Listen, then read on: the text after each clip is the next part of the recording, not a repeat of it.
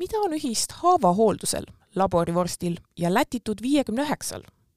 ühiseks jooneks on minu tänane külaline, kelle teekond viis Portugalis veedetud Erasmus aastast eduka rohetehnoloogia iduettevõtte asutamiseni. mida ta sellel teekonnal õppis ja kui isuäratav on ikkagi laboriliha, kuulete juba lähemalt tänasest Erasmuse taskuhäälingust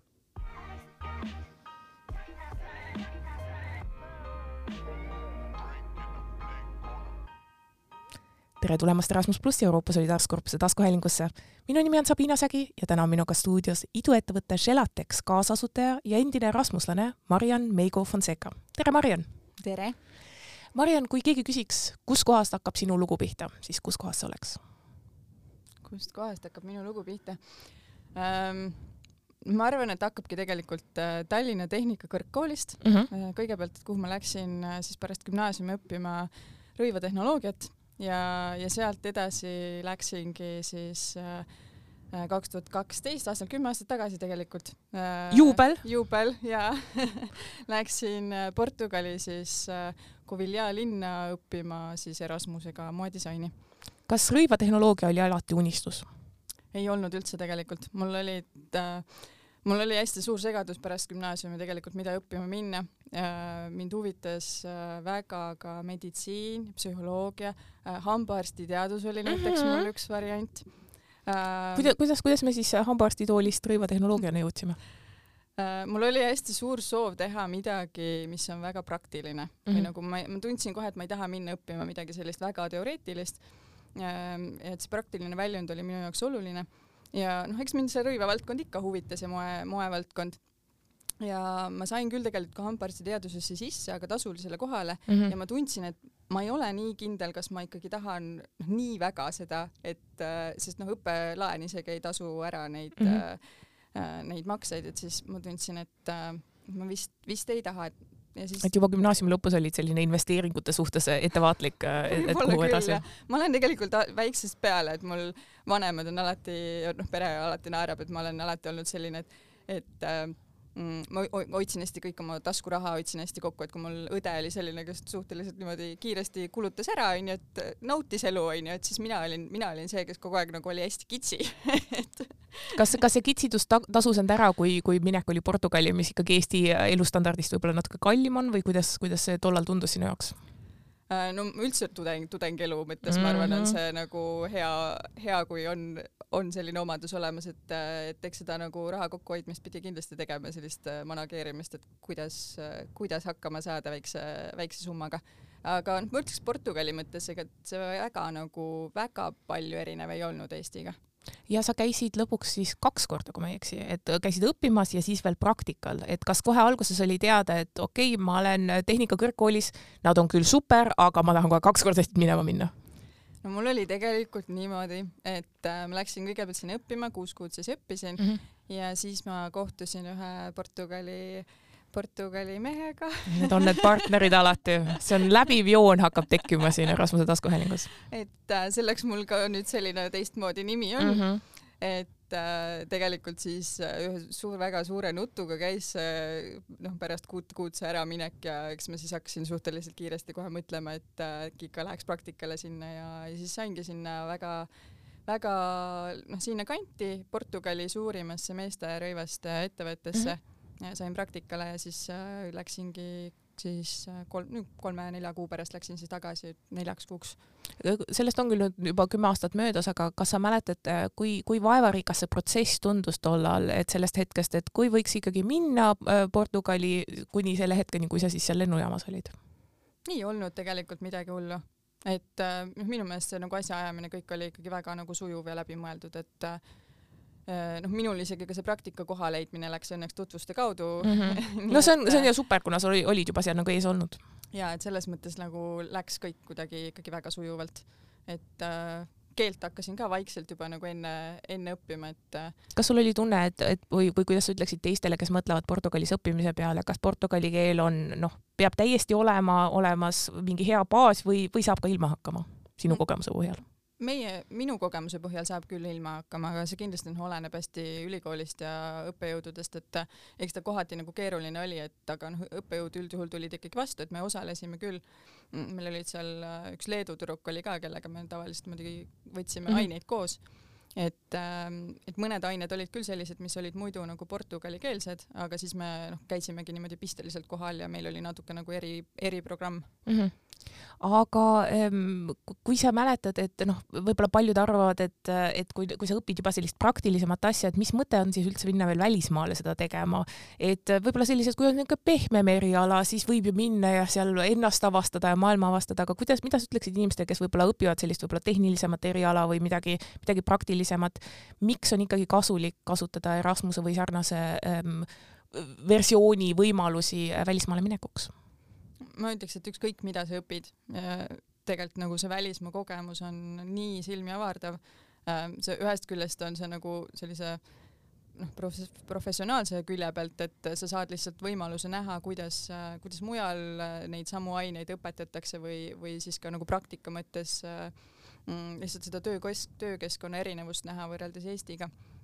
aga teisalt ka nagu lihtsalt isiklikul tasandil see lihtsalt kasvatab inimest nii palju et mina olin nagu pigem enne olin ikkagi suhteliselt häbelik inimene, noh ega ma siiamaani ei pea ennast nagu mingiks väga julgeks inimeseks, aga aga ütleme mm, minu jaoks nagu see, et ma lihtsalt lähen üksinda kuskile ja, ja kõik see nagu inglisekeelne suhtlus ja kõik see oli ikkagi nagu väga kõva elukool aga kui nüüd vaadata tagasi, kui paljud teie eh, nagu erialadel või, või sinu selles aastakäigus käisid, eh, kui paljud siis nagu pärast olid, et oh, oleks tahtnud minna, kas olid pioneer või oli see eh, Tehnikakõrgkoolis suhteliselt levinud, et inimesed käisid? Ei, neid ikka oli enne ka, aga meie kursusel ma ütleks, ma olin ikkagi üks esimeste seas mm. -hmm et üks, üks teine kursakaaslane veel läks samal ajal, aga siis pärast, päris mitmed tegelikult äh, pärast siis meid mm -hmm. nägid. said inspiratsiooni? Nagu, jaa, mulle tundus küll. ja kas kool oli ka toetav selles suhtes, et, et on ikkagi vaja ju natukene abi ka nende poolt, et, et saaks ikkagi mingisuguse ajaga hakkama ja ei, ei jääks väga palju maha? Äh, ja selles mõttes nagu Tehnikakõrgkooli mõttes oli see küll, noh, Tehnikakõrgkoolis on õpe neli aastat, et mm -hmm. võib-olla selle, selle võrra oli natukene nagu lihtsam see sinna ära mahutada, aga noh, minul see õpping ei pikenenud kuidagi selle tõttu, et, et ma sain ilusti oma ained kõik üle kantud. ainuke asi võib-olla oli, et muidu ma oleksin vist saanud kas on kuld, ei kuldmedalit ei ole ül, nendes ülikoolides mina häbinen, et ma ei õppinud Eestis kunagi ülikoolis ja, ja räägid oli, et mul nagu, ma jäin mingist sellest tasemest veits alla. aga sa kohtusid presidendiga ju? jaa. no aga see on, see on juba noh, medal ja, või siis president, no kõike ka ei saa ju. ja, ja, ja aga hiljem ähm, pärast, pärast Tehnikakõrgkooli, pärast Portugali äh, läksid sa Tartu Ülikooli edasi õppima? Äh, MBA. Kuidas äh, või saad sa natuke rääkida, et mida sa seal täpsemalt siis juurde õppisid või miks oli, miks sa arvasid, et õppisin neli aastat ära, tegin veel Erasmust, aga nagu läheks õpiks veel? ja ma siis äh, läksin äh, Läksin tegelikult kohe pärast Tehnikakõrgkooli, ma läksin tööle, aasta aega töötasin ja siis, siis vahetasin veel töökohta ja noh, olingi niimoodi puhtalt rõivatehnoloogia mm -hmm. eriala peal.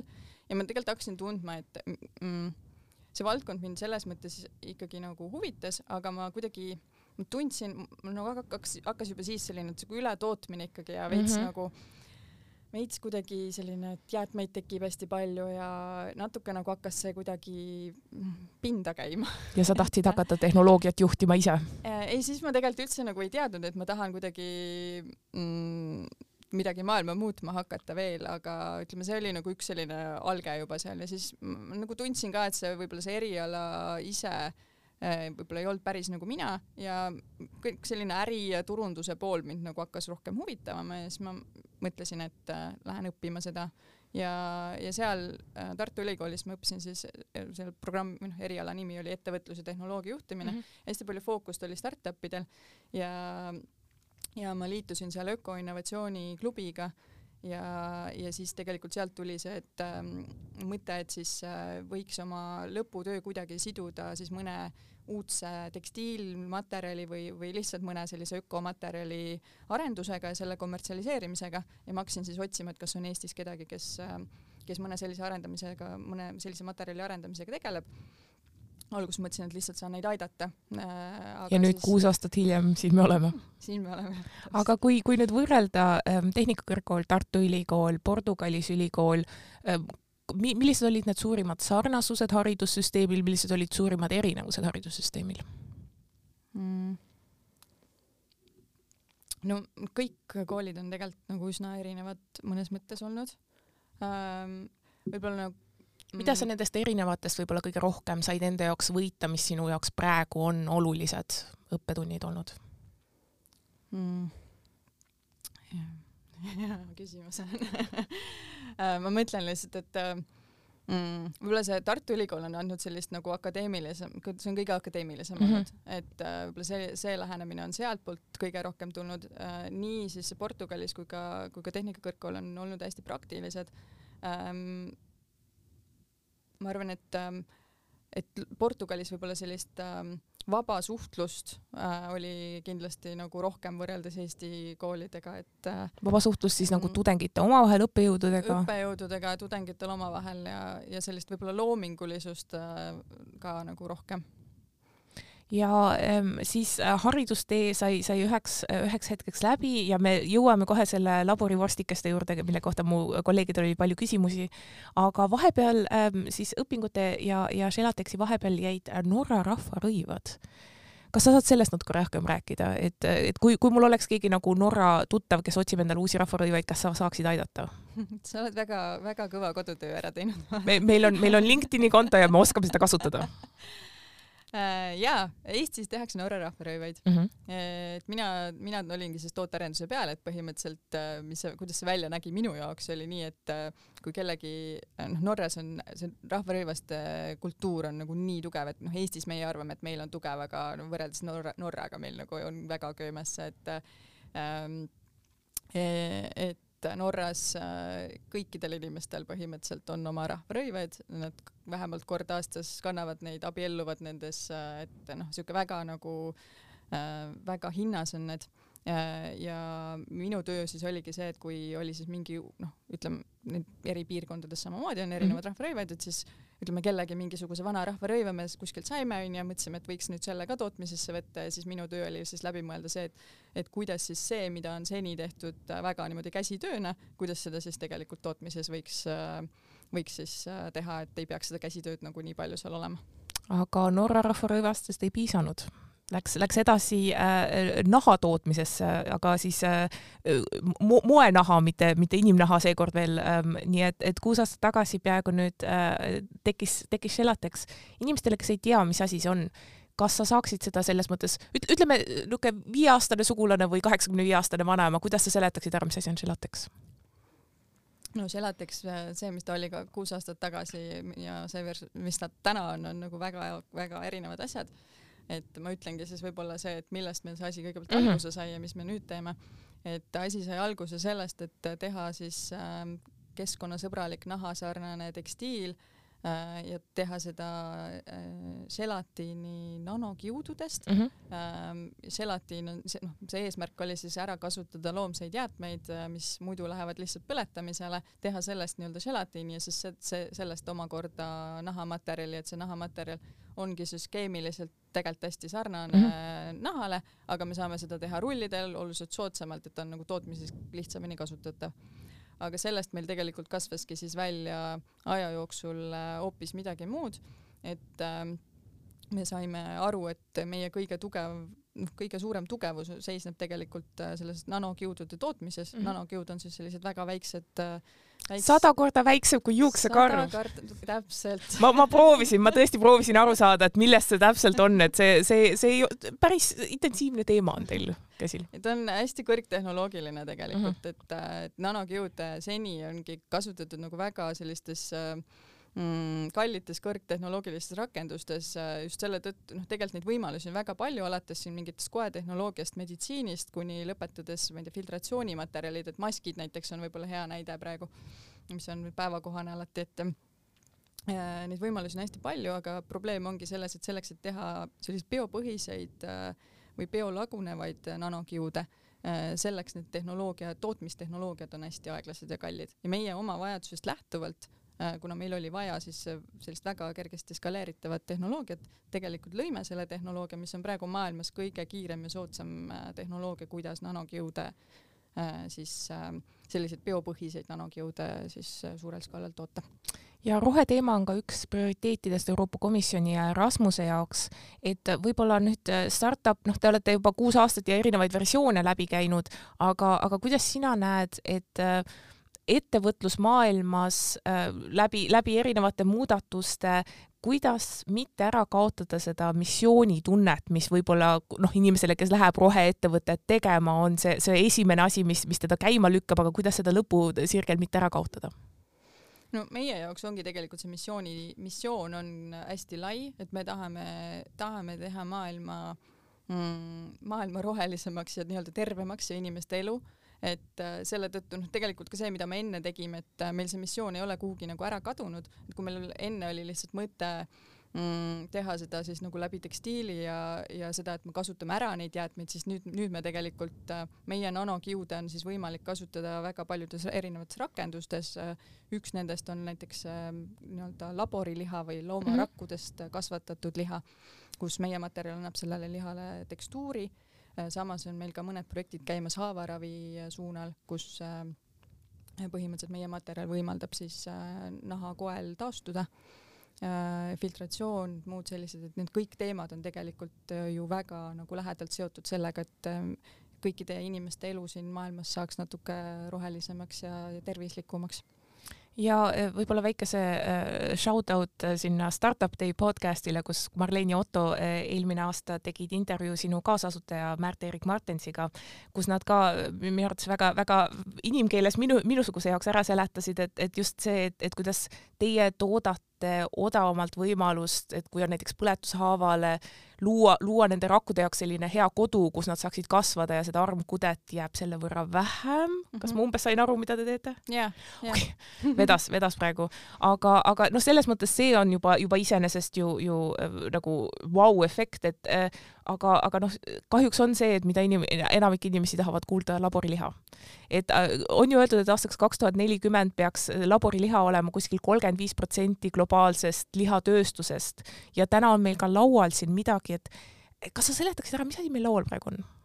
meil on laual praegu see materjal, mida meie siis äh, hakkame tootma ja müüma laboriliha tootvatele ettevõtetele et äh, see meie materjal on siis nanokiududest koosnev selline kasvusubstraat mm, -hmm. mis loobki sellise sellise keskkonna siis rakkudele, et nad tunnevad ennast nagu kodus mm -hmm. ja hakkavad siis tegelikult moodustama seda lihaskiudu nii et teie ei tee laboriliha, teie pakute laboriliha tegijatele sellist head võimalust odavalt seda suures koguses toota? jah. kui, kui kaugel me oleme ähm,? no praegu ikkagi Mi. millal ma Coopist saan, saan laboriliha? ma arvan, et see võib jääda Coopi mõttes siin äkki kuskil viieteist aasta perspektiivi nii et pakun, see on. aga see... ega ei tea ju tegelikult ja. jaanipäev kaks tuhat kolmkümmend seitse on, on siis, on siis juba viinerid äh, laborilihast. mis maitsega see võiks olla? nii nagu liha praegu ka maitseb. et, et üldse mingit nagu erinevust ei tunne? jaa, sest ta on päris liha mm. -hmm. et tegelikult ongi noh, lihtsalt selle asemel, et me kasvatame seda liha nagu looma keha sees, me kasvatame seda bioreaktorites, mis on noh, põhimõtteliselt nagu, nagu õlle tootmine, et sellised mm -hmm. suured äh, suured äh, vaadid äh, ja siis, siis need rakud seal kasvavad, siis me paneme need meie selle materjali peale pärast, kus nad hakkavad siis seda lihaskiudu moodustama ja siis meil ongi liha valmis. Te võtsite ja olete võtnud väga paljudest kiirenditest osa, et kas see on midagi, mida sa soovitaksid äh, meeskondadele, kellel on võib-olla sellises rohe ja, ja clean tech ja health tech'i sellistes äh, teemades ideed olemas või, või kuidas sa nüüd nagu tagasi vaadates äh, tunnetad oma, oma ja teie kiirendi teekonda?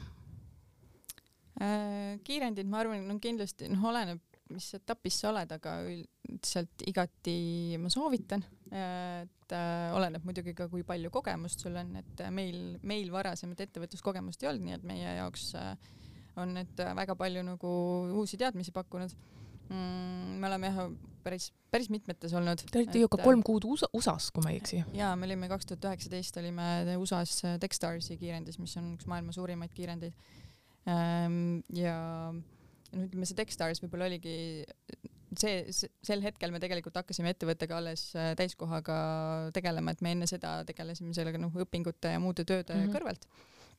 nii et see oli äh, võib-olla juba selle tõttu kõige selline mm, silmi avardavam ja intensiivsem, et äh, aga seal meil tegelikult hakkasidki natukene tekkima need mõtted, et äh, et mida meie tehnoloogia veel suudab teha ja siis äh, me ei planeerinud veel kuidagi suunamuutust teha sellele nahamaterjali pealt mm, -hmm. äh, aga, aga siis kaks tuhat kakskümmend, kui see koroonapandeemia siin pihta hakkas, et äh, siis see oli, või noh, meil juba enne natuke tekkisid need mõtted, et, et võib-olla me ikkagi peaksime selle nahamaterjali arenduse mm -hmm. kõrvale jätma.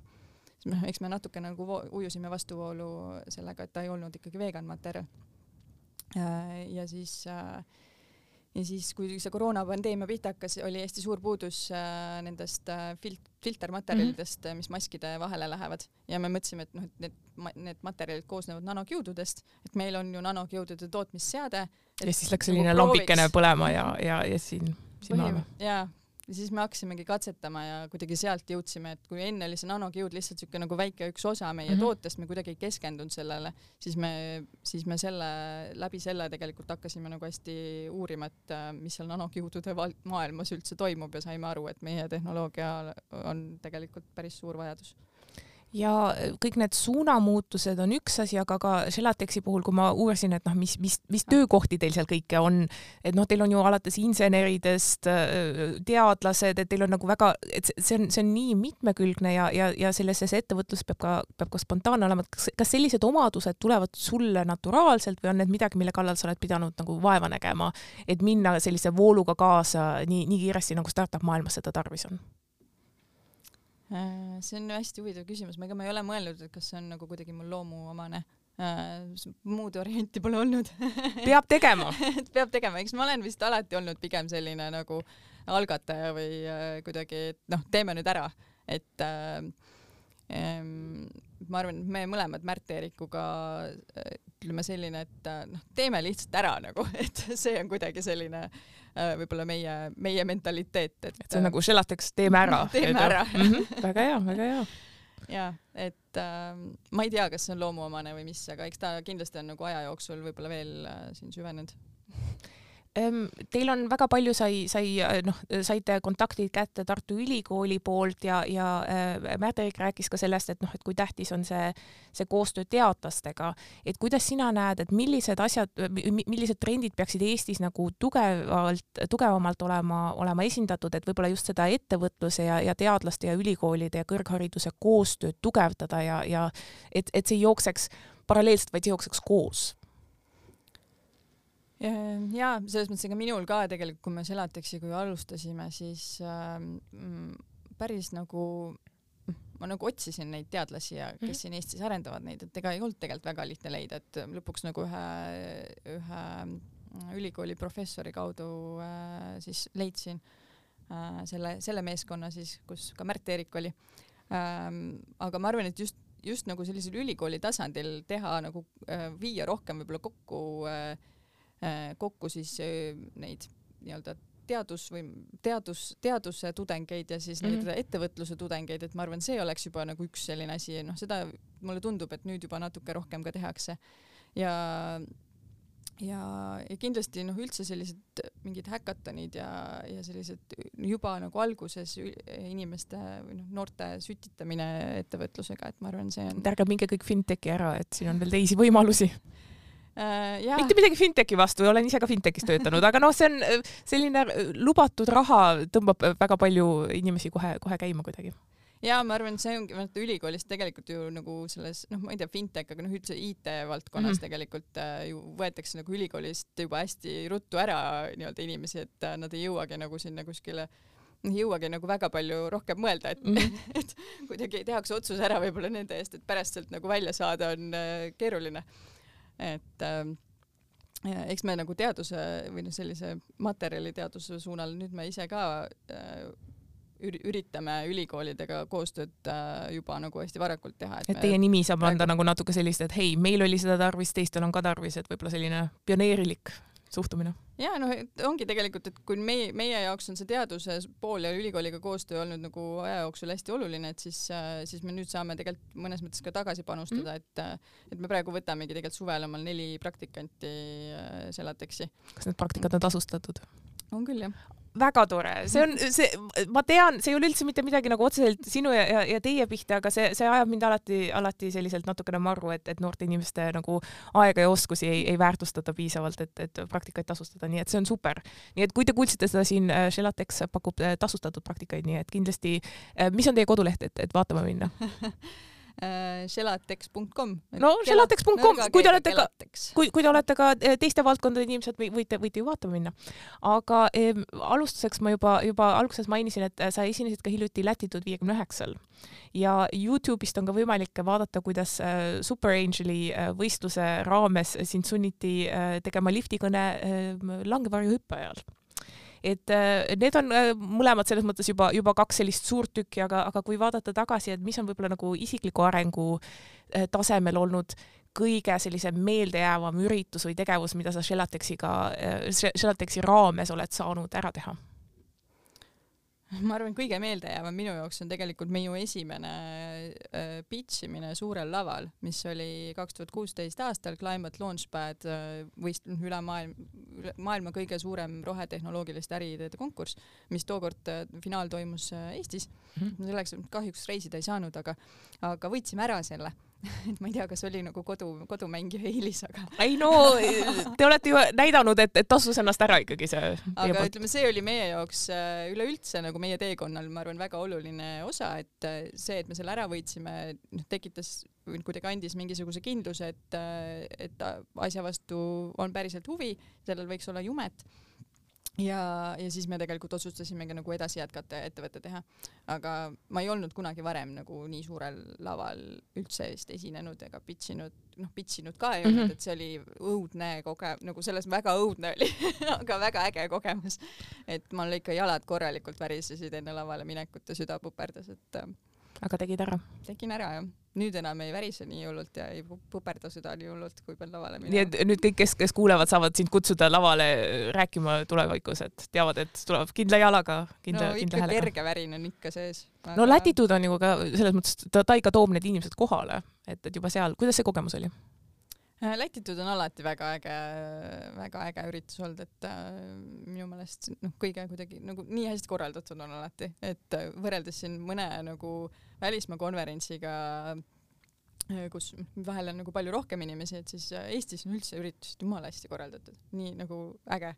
ja, ja, ja meil oli väga põnev paneel ka seekord, et äh, rääkisimegi laboriliha suunal, meil oli äh, siis äh, Seth Bannon Fifty Years'ist, mis on üks äh, üks siis riskikapitali ettevõte, kes investeerib siis just sellesse suunda et nad on päris mitmesse laboriliha ettevõttesse investeerinud ja, ja siis ka äh, Hongkongist üks äh, Avant Meats, kes siis äh, mhm. teeb äh, labori äh, nii-öelda kalaliha okei okay,, tõsi, ma ei ole selle peale isegi mõelnud, et äh, laboriliha mitmekülgsus on ju, on ju samuti, samuti vajalik.